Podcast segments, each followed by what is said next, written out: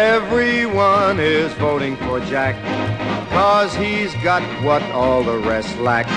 Everyone wants to back Jack. Jack is on the right track, cause he's got high hopes. He's got high hopes. 1960's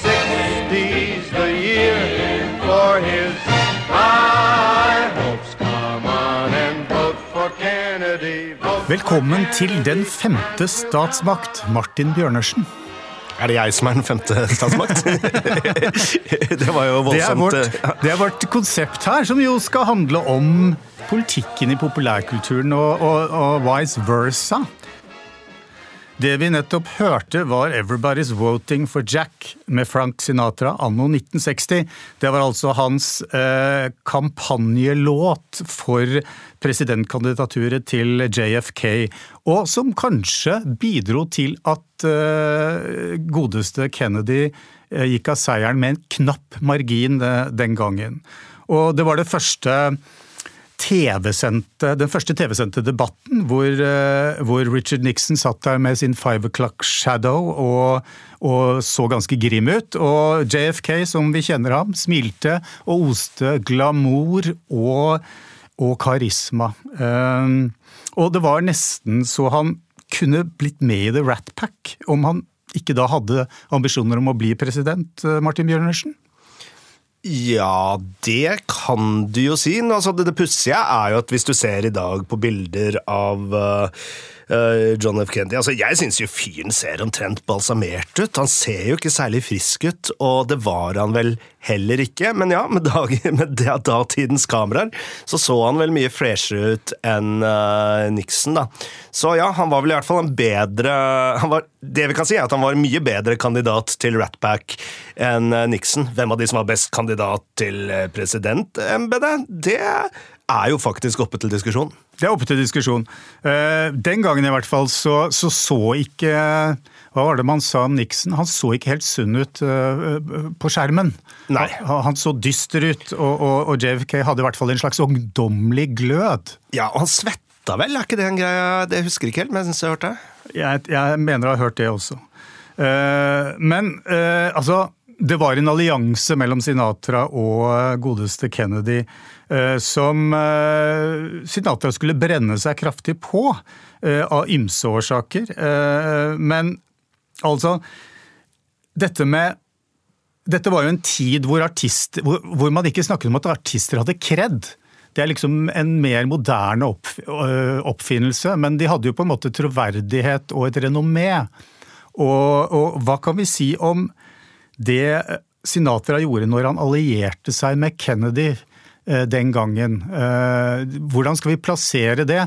Vi skal snart etter hvert komme inn på eh, Kanye Wests allianse med Trump, som jo på en måte eh, representerer noe, noe, noe nytt. Og, og, og, jeg er litt usikker på akkurat den alliansen, men, men hvordan skal vi på en måte plassere Kennedy i, som går til sengs med med godeste altså The Crooner, som allerede den gangen var kjent for å ha forbindelser til mafiaen.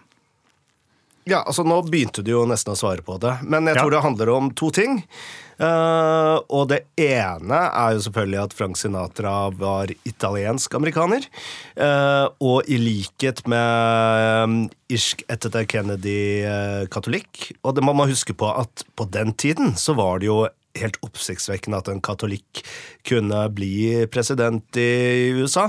Så det er jo en ting, den eh, alliansen der på tilhørighet. Og så var jo både irrene og italienske amerikanere Det er jo kanskje litt vanskelig å huske i dag, men de var også begge to minoriteter som dels eh, Eller ikke bare dels, som sto langt, langt nede på rangstigen. De var jo utsatt for det man i dag kan kalle rasisme. Ja, altså, rasisme er jo et litt sånn Man kan altså, bruke andre ord om det, for det blir litt sånn uh, Italienerne ble jo sett på noen, i enkelte rasistiske kretser uh, blant eh, anglo hvite anglo-protestants for noen slags nordafrikanere. Altså, Ja, men jeg tror også at man må huske på Nå kommer vi inn på helt andre ting her, Ja, ja. men man må jo huske på at den tradisjonelle du kan si hvit overmaktsbevegelsen i USA, den var veldig protestantisk, og dermed så var eh, katolikker og paven en del av fiendebildet, sammen med jødene. eh, ikke sant? Og selvfølgelig afrikanere. Eh, så det er komplisert, det der med rasisme. Og vi, og vi ble jo enige om før podkasten at vi skulle prøve å unngå å falle ned i for mange kaninhull. Og de kommer nok til å dukke opp her sånn suksessivt. det, er, det er så mange av dem, vet du. Det er så Ja. mange av dem. Men ok, eh, men hvis vi går videre da, altså eh, Ja, for jeg kom ikke Ja. til kom ikke, eh, grunn nummer to. Ja. Det var jo den du nevnte. Det var at Sinatra fra før hadde forbindelser til mafiaen. Ikke utelukkende fordi at han var italiensk-amerikaner, men fordi at han var i underholdningsbransjen. ikke sant? Og mafiaen var jo uh, store aktører i underholdningsbransjen. Og ja, forble det veldig lenge. I, uh, helt inn i vår tid. Jeg vet ikke i dag så har de vel kanskje mista makta, men det er litt der, eller fotfeste der, men det er jo andre kriminelle grupperinger som har et fotfeste der. Så det var jo Jeg tror at hans kontakt med mafiaen var mye på grunn av det, da. Og så kan du si at det var Det var ikke bare en allianse mellom Kennedy og Sinatra og en eh, allianse mellom katolikker, men han var jo Her kommer vi inn på ting hvor liksom det er mye fakta som man bare må vurdere selv, men det vi kan si med sikkerhet, er vel at han var et bindeledd som muliggjorde en allianse mellom Kennedy-familien og det politiske apparatet de representerte, og mafiaen. Eh, og mafiaen eh, Det er ikke tvil om, uansett, at uh, mafiaen uh, arbeidet for å skaffe de stemmer i, på den ene eller fjerde måten. Uh, og faktisk avgjorde det valget. Det tror jeg heller ikke det er så kontroversielt å si. Nei, jeg tror ikke det, og det er jo til og med laget TV-serier om det. Eh, selvfølgelig. Det som gjør det vanskelig å snakke om, er at jeg også har laget helt ville konspirasjonsteorier om det, som også har vært i mainstream-filmer. Jeg så Oliver Stones JFK her om dagen, og det er jo bare ren absurd komedie. Ja, ja. Det, det, det verste var at den ble oppfattet som en slags dokumentar da den kom, eh, noe som jo egentlig er helt fantastisk. Eh, Men, men, men altså, det man ikke husker i dag, var at ved inngangen til 60-tallet så ble jo uh, Sinatra Eller han oppfattet i hvert fall seg selv som relativt progressiv. Han sto på barrikadene for, uh, for borgerrettigheter for alle. Han, han var opptatt av rasisme. og han hadde selv opplevd det man kanskje kan kalle en form for rasisme og utstøtelse eh, i sin oppvekst ved å være italiener. Ja, ikke sant? Altså, på noen spørsmål så forble han jo progressiv. ikke sant? Ja. Han jobba jo med Duke Ellington og liksom var veldig nøye på sin forbindelse til afroamerikansk eh, musikkarv hele livet, egentlig. ikke sant? Men, men i moderne tid så har vi jo oppfattet han som det motsatte, fordi han, han hadde jo på en måte eh, klare innvendinger, eller han mislikte rock'n'roll. Eh, Det var han jo ikke alene om. Altså, Fuckings hva han heter igjen? Harald Are Lund mislykte jo Ja, ja. Ja, jo, ok, men, men, men han ble på en måte tatt til inntekt for konservative sak, eh, eh, merkesaker, og, og selvfølgelig, etter at han eh, ble utstøtt av det demokratiske gode selskapet, så fant han jo, søkte han tilflukt hos republikanerne og ble en god republika, republikaner såkalt eh, resten av sitt liv, har jeg inntrykk av. Ja, Nå var jo republikanerne noe litt annet og mer mangfoldig da enn det er i dag, da. Men eh, altså, hvis du ser på Nixon ville vært en progressiv demokratisk eh, kandidat i dag. Sprøtt nok.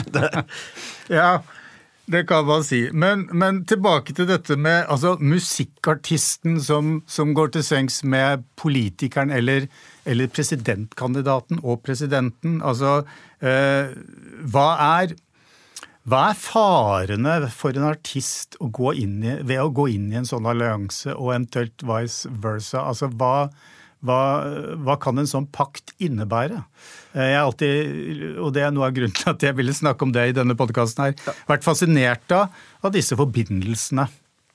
Altså, det fins det Jeg pleier vanligvis å snakke i veldig lange svar, men det fins det faktisk et veldig kort uh, svar på. Det er uberegnelig for begge parter, og det får uante konsekvenser. Og det andre eksempelet, hovedeksempelet vi skal snakke om, viser vel det. Ja, ja. Uh, Men, men det, det kan for en, en, politiker altså Når det gjaldt Kennedy, så var det tydelig at han altså Det var fordeler å, å, å knytte seg til Sinatra, og han var en viktig et, et mellomledd til, til mafiaen.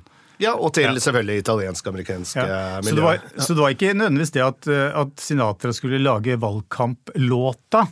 Eh, Nei, det er vel relativt eh, beskjeden del av det. Ja, ja, ja den, den, er jo ikke blitt stående som noe mesterverk heller, og det, og det, blir jo sjelden sånne låter. Den er eh, ikke engang et mesterverk i liksom, kategorien kampanjelåter. Nei, nei. Men, men, men, dette var jo en, en, annen tid enn den som da på en måte utspilte seg i løpet av 60-tallet, hvor, hvor, man hadde motkultur og, og rock ble på en måte anti-establishment. Og så mistet jo Frank Sinatra litt av sin Altså sin, sin edge, sin, sin Altså han var på en måte sett som en stadig voksende grad som en representant for gamle dager. Eh, og hva kan vi si om forholdet mellom musikken og politikken i løpet av 60-tallet, det er et enormt stort spørsmål. Eh, men hvis vi skal konkretisere det gjennom eh, det faktum at rocken gikk inn i motkulturen eh, Det var jo ikke tilfellet når Frank Sinatra engasjerte seg på slutten av 50-tallet.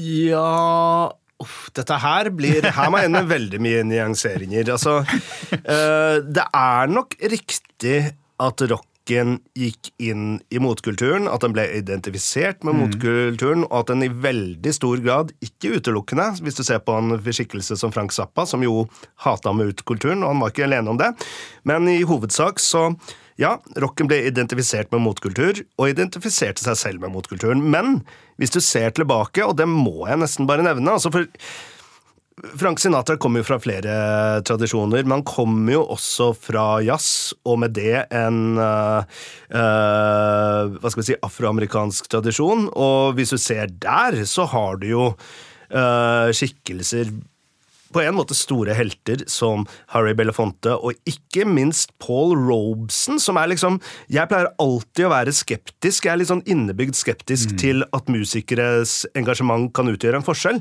Paul Robeson er liksom mitt eget motargument, for han var en fyr som utgjorde en forskjell. Og folk vet kanskje ikke hvem Paul Robeson Nei, var, glemt, men... men... han var jo også skuespiller og, og medlem av kommunistpartiet. Ja, og utrolig innflytelsesrik skikkelse. Han gjorde uh, Han var en helt sentral skikkelse på Ikke bare i borgerrettighetskampen, men han var på en måte mellomleddet som gjorde borgerrettighetskampen mulig. Så han er utrolig Altså Uh, I dag huskes han jo bedre for det politiske enn for musikken sin. Jeg vet at Antirasistisk Senter pleide å dele ut en pris som het Paul Robeson-prisen. Ja, for. Så han huskes jo for politikken mer enn for musikken, og han var en kjempestjerne i musikken også. Ja, men, men uh, altså, uh, noe skjedde i hvert fall med populærmusikken i den forstand at den ble den ble i større grad, eh, hvis vi skal la, prøve å unngå å snakke for store, med for store overskrifter Ja, altså Hvis vi sier at den i større grad, grad identifisert ja. med det Jeg vet ikke om den reelt sett var det, Nei. men ja, det, det, går an å si at den ble i større grad oppfattet som det og identifisert med det. Men en annen artist man også kanskje har glemt hadde et stort politisk engasjement, var jo James Brown. Og da begynner vi å snakke om ting jeg virkelig har kompetanse på. altså, han, han, engasjerte seg jo på, på slutten av 60-tallet i forbindelse med med, uh, altså særlig i forbindelse med opptøyene i amerikanske gater. Uh, sånn uh, når borgerrettighetsbevegelsen ble ble splitta i, i, en militantdel og en, og en, hva skal vi si, litt mer fredsfremmende del. Eh, hva kan vi si om hans rolle? Eh, og, og, hva slags allianser hadde han til etabler, den etablerte politikken? Ja, altså Han var jo faktisk dels en støttespiller, dels det er mer komplisert som så, men han var dels en støttespiller for etablissementet og til og med det republikanske etablissementet. En nyanse der som jeg føler at veldig mange i Norge lett overser, for at det går så på tvers av vår måte å tenke politikk på, og våre skillelinjer. Eh, det er at James Brown representerte en ganske stor og betydelig tradisjon for det man kaller for eh, svart kapitalisme. Altså kapitalisme som et verktøy for å oppnå frigjøring. Og det har jo også faktisk en ting som i mange tilfeller har fungert, og det er ting som fortsatt står sterkt. Altså, jeg har vært i Atlanta, i det gamle afroamerikanske nabolaget hvor uh, Martin Luther King-museet står, og der var det ikke minst barbershops i en hel gate som var full av barbershops, som var de første uavhengige uh, ja, forretningene da, som afroamerikanere som søkte dit, drev. Og det at de da startet vellykkede forretninger som de igjen brukte til å bygge opp sin egen nabolag, og sånn, var et reelt betydelig bidrag til eh, frigjøringen, som selvfølgelig ikke er fullført ennå. Men til James Brown. Han var en representant for det. Han øh, tok kontroll over sitt eget plateselskap, over sine egne rettigheter, øh, altså til musikken sin. Han øh, startet egne radiostasjoner for å promotere det, og han startet restauranter, så han var en beinhard svart kapitalist, og en beinhard forretningsmann som på mange måter fucka over musikerne sine og alle andre, men altså, han gjorde det i en viss berettiget tro på at uh, svart kapitalisme var et middel til frigjøring. Og det, det, hører du i så mange av uh, sangene hans. Så blir det igjen tricky at han uh, allierte seg med ja, nettopp Tricky Dick. Uh, men du kan kanskje forstå det, den alliansen, ut fra det de hadde til felles, da, som var ja, jeg vet ikke. Altså, Hvis du er en svart kapitalist, så er du jo per def en uh, antikommunist, eksempel. Det må det jo være, ikke sant? Så noen sånne ting. Det fins noen ting som faktisk binder uh, en politisk skikkelse som Nixon og det han representerte, og James Brown uh, sammen. Kanskje!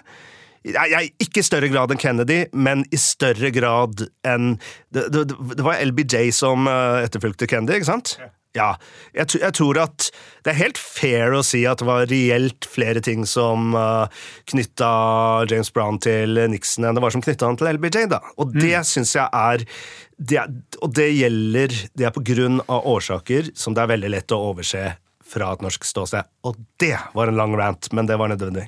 Ja, det var det nok. Eh... Ja, eh, så kom Watergate, der eh, Nixon ble tatt eh, med buksene nede. Ja, og der kan vi jo bare nevne, for å avslutte, sette definitivt punktum for James Brown. Mm. James Brown hadde jo en låt som oppsummerte hele den filosofien. Uh, you can have Watergate, just give me some bucks and I'll be straight. ja, ja, eh, men etter, altså, etter, Watergate så fulgte jo en periode hvor demokratene kom tilbake, altså med Jimmy Carter, den myke eh, demokraten, kan man si, som, som også var opptatt av musikk og kultur. Han var på en måte det gode mennesket. Ja, ja altså han er jo den mest sympatiske amerikanske presidenten i hele 1900-tallet, vil jeg si. At han ikke fikk utretta så mye, er en annen ting, dessverre. Men det er jo én Jeg tenker bare jeg skal nevne det. Det er én liten interessant eh, link til han og musikerne når det gjelder valgkampting. For at et av mine idoler, Loretta Lynn, uh, countrysangeren og låtskriveren, uh, hun uh, The Coal Miner's Daughter? Jepp. The yeah. Coal Miner's Daughter. Uh, og The Pill og masse andre. Jeg er faktisk yeah. veldig glad i Loretta Lynn. Men uh, hun er jo en interessant skikkelse, for hun støttet Uh, mange republikanske presidentkandidater. Hun var vel litt på glid med å støtte Donald Trump, til og med. Men hun støtta Jimmy Carter. For Jimmy Carter var en kar fra sørstatene som prata sånn som henne, og hun følte at hans budskap relaterte til henne nettopp som en coal miners daughter, så hun drev jo valgkamp for Jimmy Carter. Mm. Nettopp. Eh, Carter ble jo da skjøvet vekk effektivt av Ronald Reagan og han kom inn på banen og, og forandret 80-tallet, eh, eller var det 80-tallet som eh, hentet ham inn? og la oss ikke engang begynne å snakke om hvordan Reagan skjøvet Carter, for det er en dørt ja, historie. Det, det, er enda et uh, For så vidt ikke et ukjent kaninhull, men vi, vi går ikke ned der nå. fordi det jeg har lyst til å snakke om, er jo Bill Clinton, altså den første babyboomeren som da eh, ble president, og omfavnet rock'n'roll, ga i hvert fall inntrykk av det. Og da er jo spørsmålet eh, om det ikke da var et sikkert tegn på at rocken for lengst hadde kastet inn håndkle som motkultur. Altså den var blitt ufarliggjort av rock'n'roll-generasjonen selv, kan man vel si. Ja, det syns for en gangs skyld så skal jeg bare si ja. Det er jeg ganske enig i. og, og øh, altså den, den, svarte amerikanske forfatteren Tony Morrison kalte han til og med, og hun fikk jo mye pepper for det, den første svarte presidenten. Øh, fordi han hadde hva skal vi si, en slags nærhet til svart kultur uh, som ingen hvite presidenter hadde hatt før. Og ja, Han var vel for øvrig også en av de den eneste andre demokratiske presidentkandidaten som Loretta Lind støtta. Aha, nettopp. Akkurat. Men, men altså hva, hva, hva, kan vi si om altså, Noen ord om Clinton. Og, altså, jo, han spilte saksofon på, på eh, liksom talkshowene og sånn, men, men ja, ja. Eh, og, og, det mest interessante med, for meg med Bill Clinton og musikk, er jo at han eh, Han var ikke all verdens, all verdens saksofonist, men han hadde god smak i saksofonister. Han har faktisk en gang blitt name-droppa når han ble spurt om noe musikk han likte som folk ikke ville tro han likte. Stor fan av den uh, tyske frijazzgiganten Peter Brøtzmann. Det står det respekt av! ja, uh, men Clinton hadde jo da en, en visepresident, uh, Al Gore, som hadde en kone, Tipper Gore. Som mislikte rocken og rappmusikkens provokative tekster i stor grad, og, og, og sto i bresjen for det som da ble et korstog korstog unnskyld, mot musikkbransjen eh, som, som, man kanskje ikke hadde sett før eh, i, i, i eh, moderne amerikansk historie. Og, og hva, kan vi, hva, kan vi, si om den bevegelsen der, og hva det førte til? PMRC, som den het.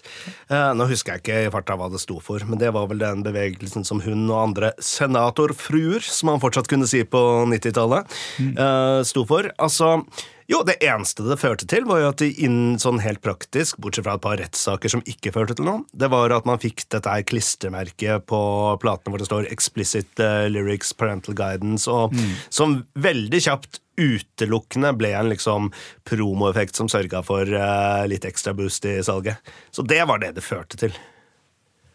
Ok. No lasting legacies. Altså ingen altså...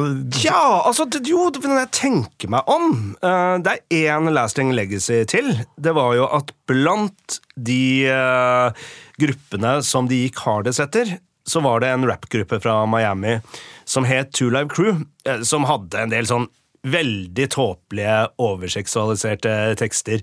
Og de tenkte vel at ja, ja, de er et lett bytte, liksom. De kan man liksom fucke opp, liksom, og buste. Uh, men de var ikke så lette å buste, for det viste seg, som de hadde skjønt hvis de hadde satt seg inn i det, at liksom Sjefen for Two Live Crew, en annen svart kapitalist, faktisk, Luther Campbell, eller Luke, er en eh, veldig intelligent og høyst politisk menneske. Så når de ble anmeldt og skulle i retten for liksom Hva var det? Ikke blasfemi, men uh. Mm. Så var jo han For det første skaffa han de beste advokatene, men hans egen opptreden i rettssalen vant jo saken, og jeg mener å huske at den gikk helt til Høyesterett. Det mener jeg å huske. Og han briljerte der, og de fikk en høyesterettsavgjørelse som faktisk sikret sikret ytringsfriheten for eh, andre etterpå. Så det er jo en veldig positiv ting som kom ja, ut av der. Uh, Tipper Gore var jo ikke en, en, en, moralist på samme nivå eller bølgelengde som, som disse senatorfruene fra det republikanske partiet. Altså, hun, var hun, hun ikke? Det... Nei, hun var, hun var, hun tilhørte jo Det demokratiske partiet og var ganske relativt venstreorientert når det gjaldt en del spørsmål. Ja, Men du men, kan jo være en moralist for det? Ja, jo, men hun var en moralist av en litt annen type. Uh, og Spørsmålet er om hun hadde hun noen poenger? Jeg vil si nei. Men nei. samtidig, når jeg sier nei, så er det sånn at det fantes problematiske trekk med Altså, de to hovedmålene hennes var jo metal, og det var hiphop. Og at det fantes og finnes problematiske trekk ved begge de to subkulturene, som også reflekteres i tekstene. Det er eh, helt sant, men når man da går etter ytringsfriheten til disse menneskene, og dessuten går etter ytringsfriheten på ganske tåpelige punkter, altså på utsagn som faktisk ikke gjenspeiler det reelt uh, problematiske. Altså at Luther Campbell synger om kukk og fitte, eller at man tror at det er baklengsmaskering som får folk til å ta selvmord på metaskiver. Det er ikke det som er problemstillingen engang. Så da gjør man jo bare situasjonen verre, og de som faktisk utnytter uh, denne, disse subkulturene til å spre reelt farlige ting, som finnes i begge miljøene, de får jo en unnskyldning og ryggdekning for å gjøre det. Så nei, hun hadde overhodet ikke noe poeng, mener jeg. Ja. Det kan virke som republikanerne ikke har på en måte samme, på samme måten som demokratene sett verdien av rock'n'roll. Eh, men de har ofte tjuvlånt låter. Ja, jeg vil jo si at uh, for å være ja. fair mot uh, dagens republikanere. Og dessverre, fordi dagens republikanere er så å si rendyrka fascister. Vi har nådd det nivået. Men de skjønner verdien av rock'n'roll i høyeste grad, og de vet hvordan de selv skal framstille seg selv som motkulturelle. Og alt det der. Så ja. de har jo knekt den koden, og er mye flinkere enn det til demokratene er i dag. Eh, kan du utdype det, eller komme med noen eksempler? altså... Ja, så Det er helt åpenbart at uh, Donald Trump uh, fremstiller seg selv som en uh, motkulturell skikkelse og en, en, fyr som er i opposisjon til etablissementet, ikke minst, og at det er en veldig grunnleggende del av hans appell. Og ikke sant, altså selv liksom Men, men også gjennom bruken av musikk? ja, ja, ja. Det, det, også. Han har jo brukt uh, masse, altså, masse Han har hatt Kid Rock i hvite hus, og Kid Rock er jo faktisk, for å være fair, han lager elendig musikk. Jeg liker riktignok de to første platene hans, men de er det mm. ingen som husker, når han fortsatt lagde hiphopmusikk. Men altså, Du kan si hva du vil om Kid Rock, men han er en reell outsider, liksom. Han er en, i utgangspunktet en rap-kid som har vokst opp i en uh, ja, trailer i eh, Detroit, liksom. Og hvis man vet hvordan Detroit var på det tidspunktet han Det er mange som sier at Kid Rock er fake. Det er bullshit. Kid Rock er liksom Han lager elendig musikk, og han representerer forferdelig politikk. Men én ting du ikke kan ta fra han, er at han er en I motsetning til så mange andre, han er en reell representant for uh, underklassen i USA. Men før vi beveger oss inn i Trump-land, så kunne vi jo eh, snakket litt om Altså, det er jo et, et uh, relativt harmonisk og lykkelig samarbeid som har pågått mellom uh, Springsteen og Obama. ja. Det er sånn, De har de omfavnet hverandre og, og holdt sammen siden, og nå lager de ja, podkaster sammen. Og, og, også i tillegg den der alliansen mellom uh, Obama og alle de gåseøyne snille rapperne, ikke sant? Ja. De, selv om noen av de liksom har bygd karrieren sin på narkosalg, de også, men det er liksom for 25 år siden, og de har liksom uh, blitt politisk akseptable. Liksom. Der har jo et av de få stedene hvor de republikanerne har et poeng, når de snakker om at en liksom slipper inn uh, drug dealer i Det hvite hus. Det gjorde de jo, men ja. det, det, får nå være så. Jeg syns ikke det er så. Jeg syns de skulle slippe til flere drug dealere i Det hvite hus, jeg er helt ærlig. Kanskje det. Eh, altså, men etter at Trump var, har på en måte blitt ferdig med Det hvite hus, og gudene vet hva som har vært der inne eh, Og eh, en av de som var der, var jo Kanye West, eller Ye, og, og da er, jo, er, vi jo ved det andre store den andre store romansen mellom en president og eh, en musikkartist. Ja, i hvert fall en av de um, største, for det har vært veldig mange sånne romanser. Men ja, ja. en av de aller største. Og, og når den omfavnelsen inntraff, altså, var det noe du så komme? Godt spørsmål. Uh, ja, jeg må si ja og nei, for jeg så det komme helt bokstavelig talt i den forstand at jeg var uh, i Chicago og så Kanye West opptre på hjemmebane eh, et par uker uh, før han kom med sin første støtte til Trump, og et par uker før det presidentvalget, en situasjon hvor alt var veldig preget uh, av det. Uh, han støtta jo ikke Trump, Trump ordentlig offentlig før etter presidentvalget, faktisk. Eh, så jeg satt jo og så den nest siste debatten eh, på TV dagen før jeg dro og så Kanye West eh, gjøre en stadionkonsert. Og den stadionkonserten var da Han kom vel en og en halv time for sent på scenen, fordi dette var bare uka etter at kona hans hadde blitt uh, faktisk tatt som gissel og frarøvet juvelene sine i Paris. I Paris som, var, ja, som, var, en veldig dramatisk hendelse, som jeg tenker at uh, faktisk hører litt med i utviklingen her. Så nei, jeg kunne vel ikke Jeg så vel ikke akkurat det at han skulle støtte Donald Trump offentlig komme, men jeg så med mine egne øyne, faktisk, uh, uh, en mann som var på kanten av stupet, og det var ikke noen uh, hemmelighet.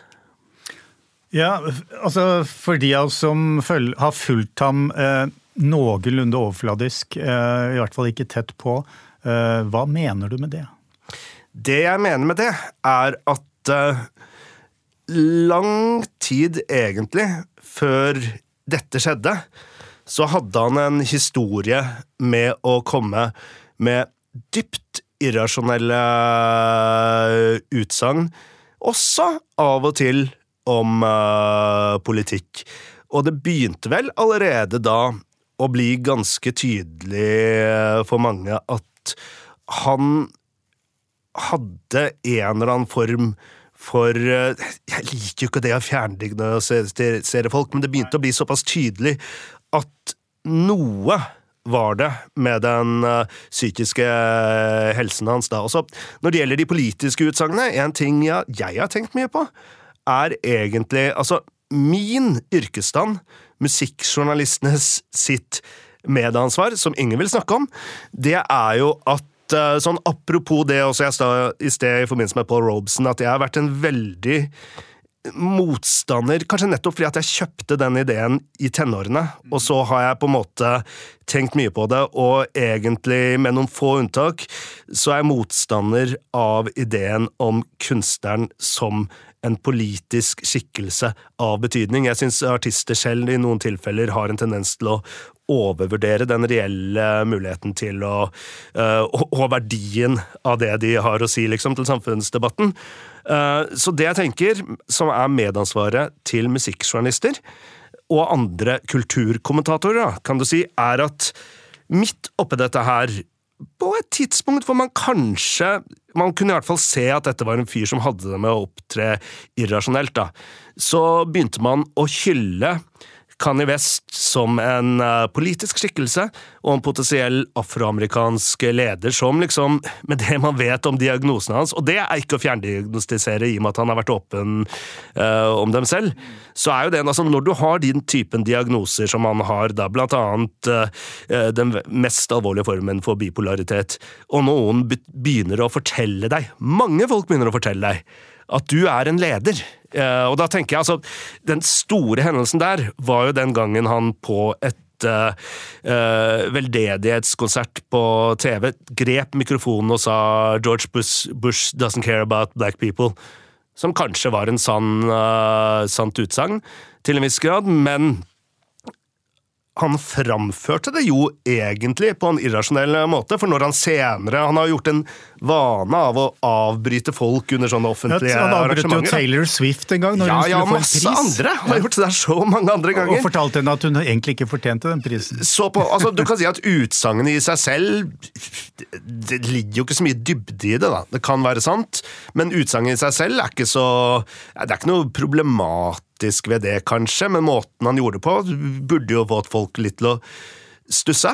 Uh, Istedenfor så ble han uh, til veldig stor grad hyllet for det, da, og det tror jeg faktisk også bidra, bidro til en uh, veldig destruktiv spiral for Kanye West. Og det er det jeg mener med at musikkjournalister har et medansvar for det. Ja. Men, men, han har også da blitt erklært som et geni. Det har vel kanskje ikke hjulpet heller? Eh? Nei, og der er jeg skyldig selv, for jeg Jeg syns geni er et uh, begrep man kan spare, men jeg har nok brukt det om Kanye West, og ikke uten grunn, faktisk. For han har en utrolig diskografi, og han har lagd et par regelrette mesterverk. Og faktisk har han lagd et par ekstremt gode plater etter han gikk totalt politisk bananas, for å si det sånn. Mm.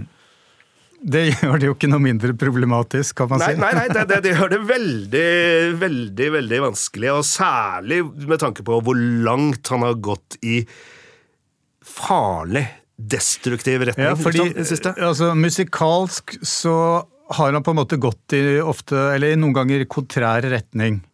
Eh, og, og, når det sammenfaller med de politiske standpunktene, så er det jo veldig lett å tenke at eh, jo, men dette er jo dette er jo geniets natur. Dette må vi på ja, måte regne. Hallo, der fins det, det skal vi kanskje gå inn på senere, men der har du jo noen paralleller til norsk uh, kunst- og litteraturdebatt, altså. Men ja, jeg husker at jeg ble uh, Jeg syns Kanye West hadde et veldig kult utsagn en gang. Han sier jo mye rart, men et veldig ja. kult et var jo han På et tidspunkt snakket han om at et mål var å lage mer og mer ikke direkte barnslig musikk, men musikk som liksom var preget altså mer og mer barnlig. At han følte liksom På den første skiva var han liksom som en 15-åring, selv om han var mye eldre, og så bevegde han seg gradvis nedover, og på det tidspunktet da, så var han kanskje som en åtteåring.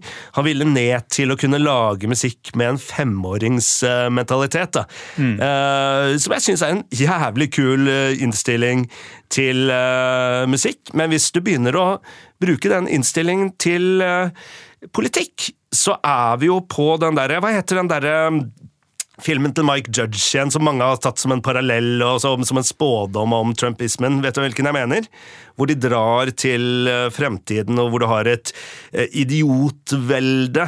Hvor ja, og, en fribryter er Amerikas ja. president. ikke sant? Nå har jeg glemt uh, tittelen. Er det. Idiocracy, eller husker jeg feil? da? Jo, jeg tror det er det. Ja. Det finner vi ut av. Men det er jo rett og slett den filmen er jo virkeliggjøringen av hvis man tar Kanye Wests mentalitet og eh, anvender den politisk. Men, men, tilbake til Trump. Altså, hva Altså, man tenker vel da når Trump uh, snakker om at uh, Kanye West eller Ye er en fortreffelig fyr, så, så, så, snakker jo alle om at han, han gjør det for å framstå som eh, at, at jeg, jeg, har venner som er svarte, for å si det veldig banalt. da. Det, det har nok noe med det å gjøre, men jeg tror også det har med én litt sånn enkle ting å gjøre, som man bare ser helt konsekvent. Donald Trump elsker alle andre suksessfulle mennesker som elsker han. Han liker ikke folk som han uh, anser som tapere. Men hvis du har suksess, eller Donald Trump oppfatter det som du har suksess, mm. Og du elsker uh, Donald Trump, så kommer Donald Trump til å elske deg uansett. Det, så det handler også om noe så enkelt som det. Ja. Hva, hva, hvis, hvis, vi skal beskrive denne alliansen øh, Den er vel kanskje ikke så gjennomtenkt og strategisk som det noen vil mene? Er jo ikke for noen av partene, øh, egentlig. Uh, nå har den jo faktisk Jeg vet ikke man kan, om man kan si at den har fullt ut slått tilbake på noen av dem, annet enn at den har vært Uh, på noe annet punkt enn Kanye West sin psykiske helse, mm. så har den vel egentlig Jo, ok, Kanye West har jo også tapt enormt mye økonomisk, men han har jo Han mistet jo avtalen med Ja, han har tapt enormt mye penger, men han er jo fortsatt i en posisjon hvor Altså, han har et nytt publikum, så han står ikke på bar bakke økonomisk. Og faktisk, han har ikke mistet kulturell relevanse, for han har kulturell relevanse i helt andre kretser eh, i dag, ikke sant? Så sånn sett så vet jeg ikke om noen av de egentlig har tapt på det, og det er litt uh, skummelt. Jeg skulle ønske de hadde gjort det i større grad.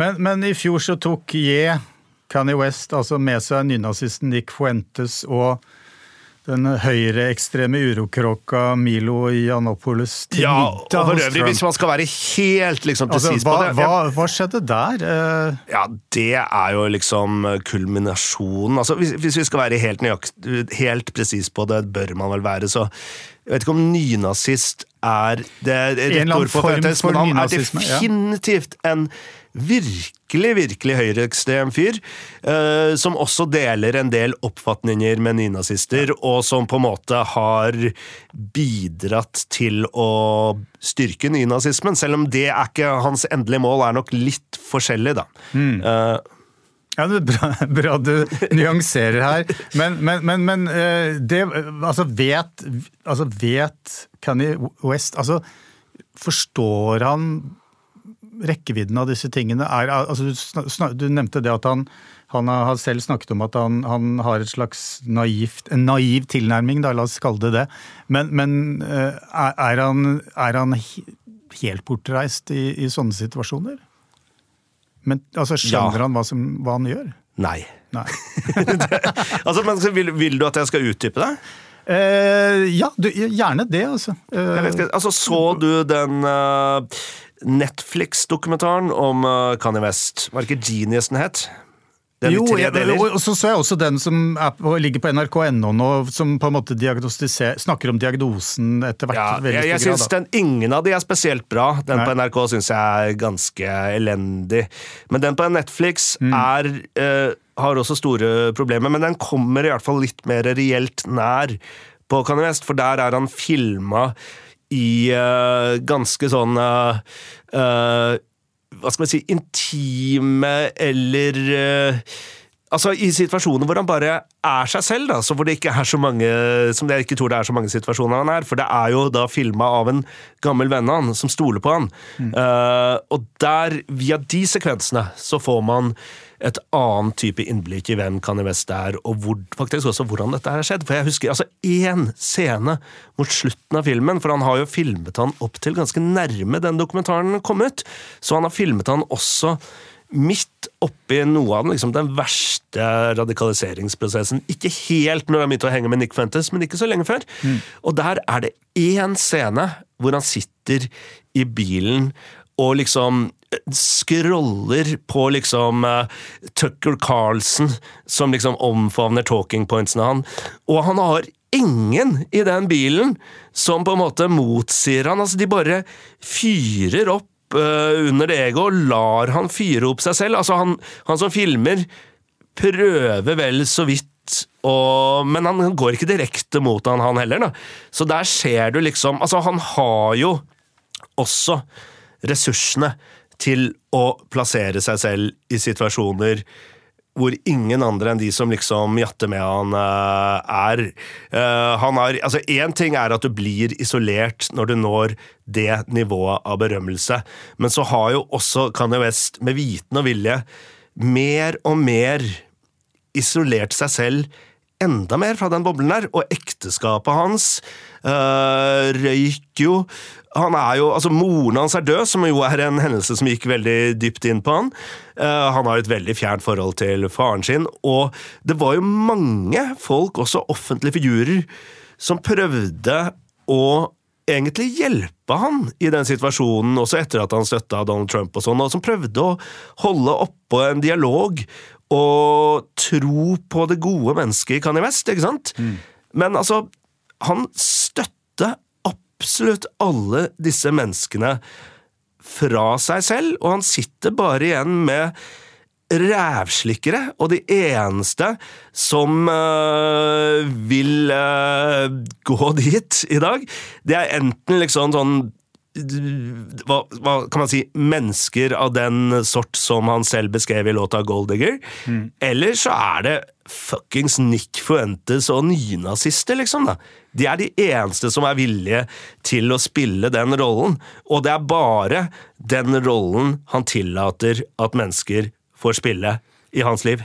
Uh, Men den typen, eh, hva skal vi si, Eh, isolasjon og, og selvoppblåst ego fører jo også til at man da vurderer å stille som presidentkandidat. Ja, øh, men det fører men, jo også det, det, det, til tror du, Eller lå det noe mer strategisk bak eh, det at han stilte? Uh, igjen en hemmelig plan med Nei, Trump nei, nei, om at han skulle Nei, tiltrekke seg demokratiske stemmer. De Overhodet ikke. stemmer. Og det ville jo ikke vært en bra plan heller, for da ville jo Kanye West sitte med de og tatt fra Trumps stemmer i et relativt jevnt valg. Man skal huske, altså Trump vant ikke valget, Nei, nei. eh, men han var ikke så langt unna, eh, sånn reelt sett.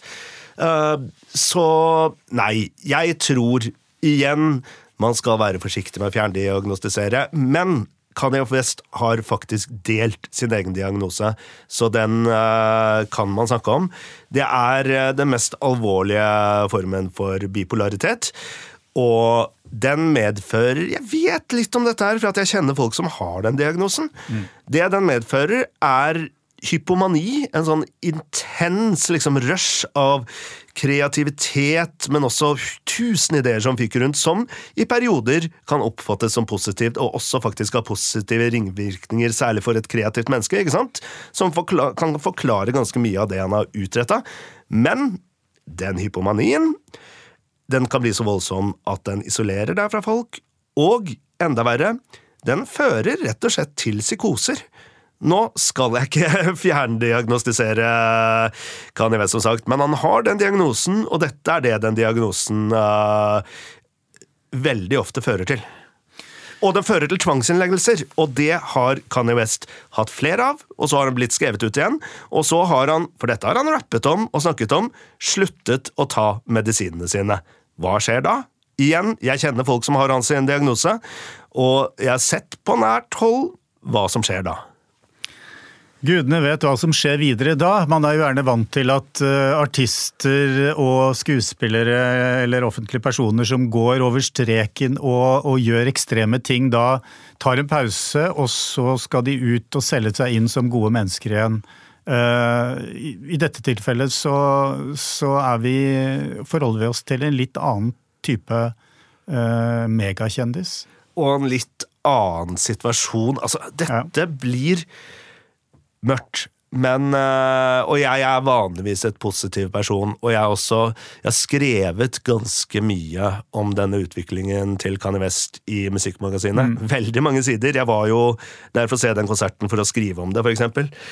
Eh, og jeg har prøvd så lenge som mulig, og samtidig som jeg har kritisert veldig klart handlingene hans, så jeg har prøvd så lenge som mulig å beholde litt håp på det gode mennesket i Kanye West, og rett og slett sånn medmenneskelig beholde et håp om at fyren lar seg redde.